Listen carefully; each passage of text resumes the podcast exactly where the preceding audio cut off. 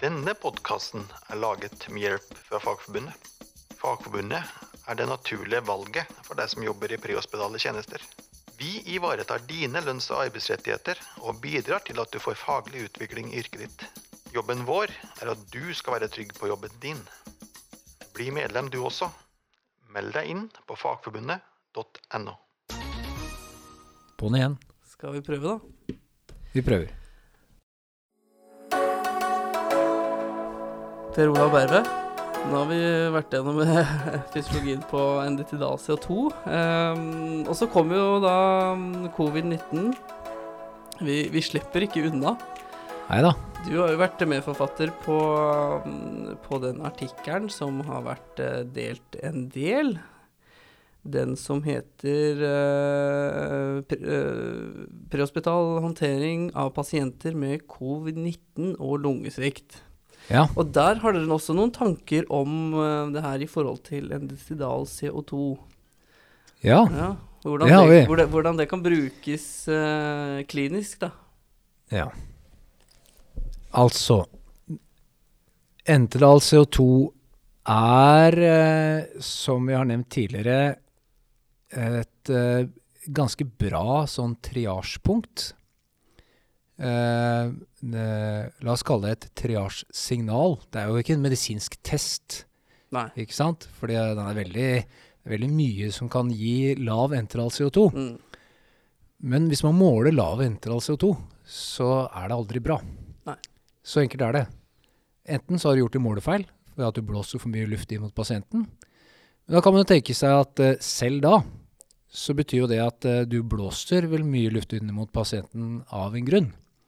Ikke sant? Så en pasient med lav enteral CO2 ender veldig ofte på sykehus. Det gjelder interessant nok også for covid-pasientene. Fordi at uh, når de puster fort for å jobbe metninga si opp, så er en av mekanismene at når man kvitter seg med CO2, så blir hemoglobinets evne til å bære oksygen bedre. Ja. Dette er nøyaktig samme som skjer i høyden. Og William har da skrevet en uh, artikkel til British Journal of Anesthesia, for de som virkelig vil fordype seg, hvor vi ser erfaringene fra flykammeret på Flymedisinsk institutt. ja, for det refererer dere også til i denne artikkelen her. Det er riktig. Ja. Som er noe av det samme. Når det er lite tilgang på oksygen, så er kroppen veldig flink til å detektere ordentlig lave mengder med oksygen i blodet. Og for å øh, øh, respondere på det, så puster man fortere. Og når man puster fortere, blir man kvitt CO2, og så blir man plutselig øh, i stand til å binde mer oksygen, fordi hemoglobinet kan ta imot mer oksygen. Det betyr at du kan ha en pasient med 93 i metning. Ikke sant? Det er de som nesten er litt vanskelige. Du skulle jo hatt 97 eller 96, 93. Da har du en oksygeneringssvikt allerede da. Mm. Og så lurer jeg meg på hvor alvorlig er det, for ingen av oss blir spesielt skremt av 93 metning. Men hvis det er sånn at pasienten har 93 metning fordi han har jobba veldig hardt for å få tak i de oksygenmolekylene, så er det en helt annen pasient, eller en pasient som bare er litt prega og har begynt på reisa si kanskje mot en lavere metning. Ehm, og så har vi de historiene med at noen pasienter har 93 metning og kommer ut i ambulansen med 60 metning, Mm. for de har ikke klart den jobben å gå ut der, og man angrer på at man lot dem gå og vil helst helst bære dem ut. Ja, for det har man, øh, man og, og erfart flere ganger Ja, det er i løpet av den på. perioden her. Ja, ja, selv i lille Oslo. Ser klinisk eh, fin ut. Mm. øh, 93 metning, 95 metning. Tar turen ned i ambulansen. Går rett i kjelleren. Og det er her sjåførtrikset kommer inn. Ja, det var det vi kalte det. gammeldags sjåførtriks. Det ble vi enige om, eh, Ole Kristian, at det er eh, rett og slett det. Fordi i de situasjonene Du har ikke 80 eller 85 i metning. Da tviler du ikke. Du bærer den ut og kjører den på sykehus. Og det er ikke 97 i metning, og alt er helt OK. Men det er disse mellomsituasjonene hvor du lurer på kan jeg la han gå ut selv, og må jeg på sykehus. Da kommer trikset. Legg på en enteral CO2. Fordi hvis enteral CO2 er lav, så betyr det at pasienten har jobba hardt for å få til den metninga du ser på skjermen. Det betyr også at da er lunga, som er mellom blodet og lufta ute, dårligere enn en pasient som har normal enteral CO2 og en metning på, som er det samme. Da. Så de aller fleste pasienter som ligger på 80-tallet metning, vil ha lav enteral CO2, men det drar seg helt opp til noen pasienter på 90-tallet.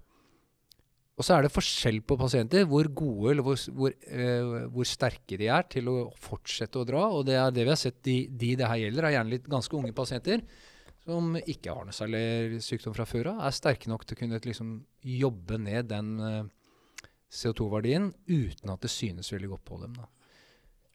Men hvor lav um, CO2 tenker du Når du ja. snakker om lav endetidal CO2, hva, hva, hva, hva, tenker du om Nei, da? Hvis den er under fire, under fire, tre og en halv, da hadde jeg begynt å bli ganske mistenksom. Da har ja. den pasienten pusta ganske bra for å komme ned på det tallet her. Og det betyr at det vil påvirke det tallet jeg ser på skjermen. Så hvis han hadde hatt en normal enterase et normalt pustearbeid, så hadde metningen vært lavere. Mm. Ikke sant? Da hadde vi kanskje sett 80. Og det, jo, det, signaliserer noe helt annet til oss. da. Mm.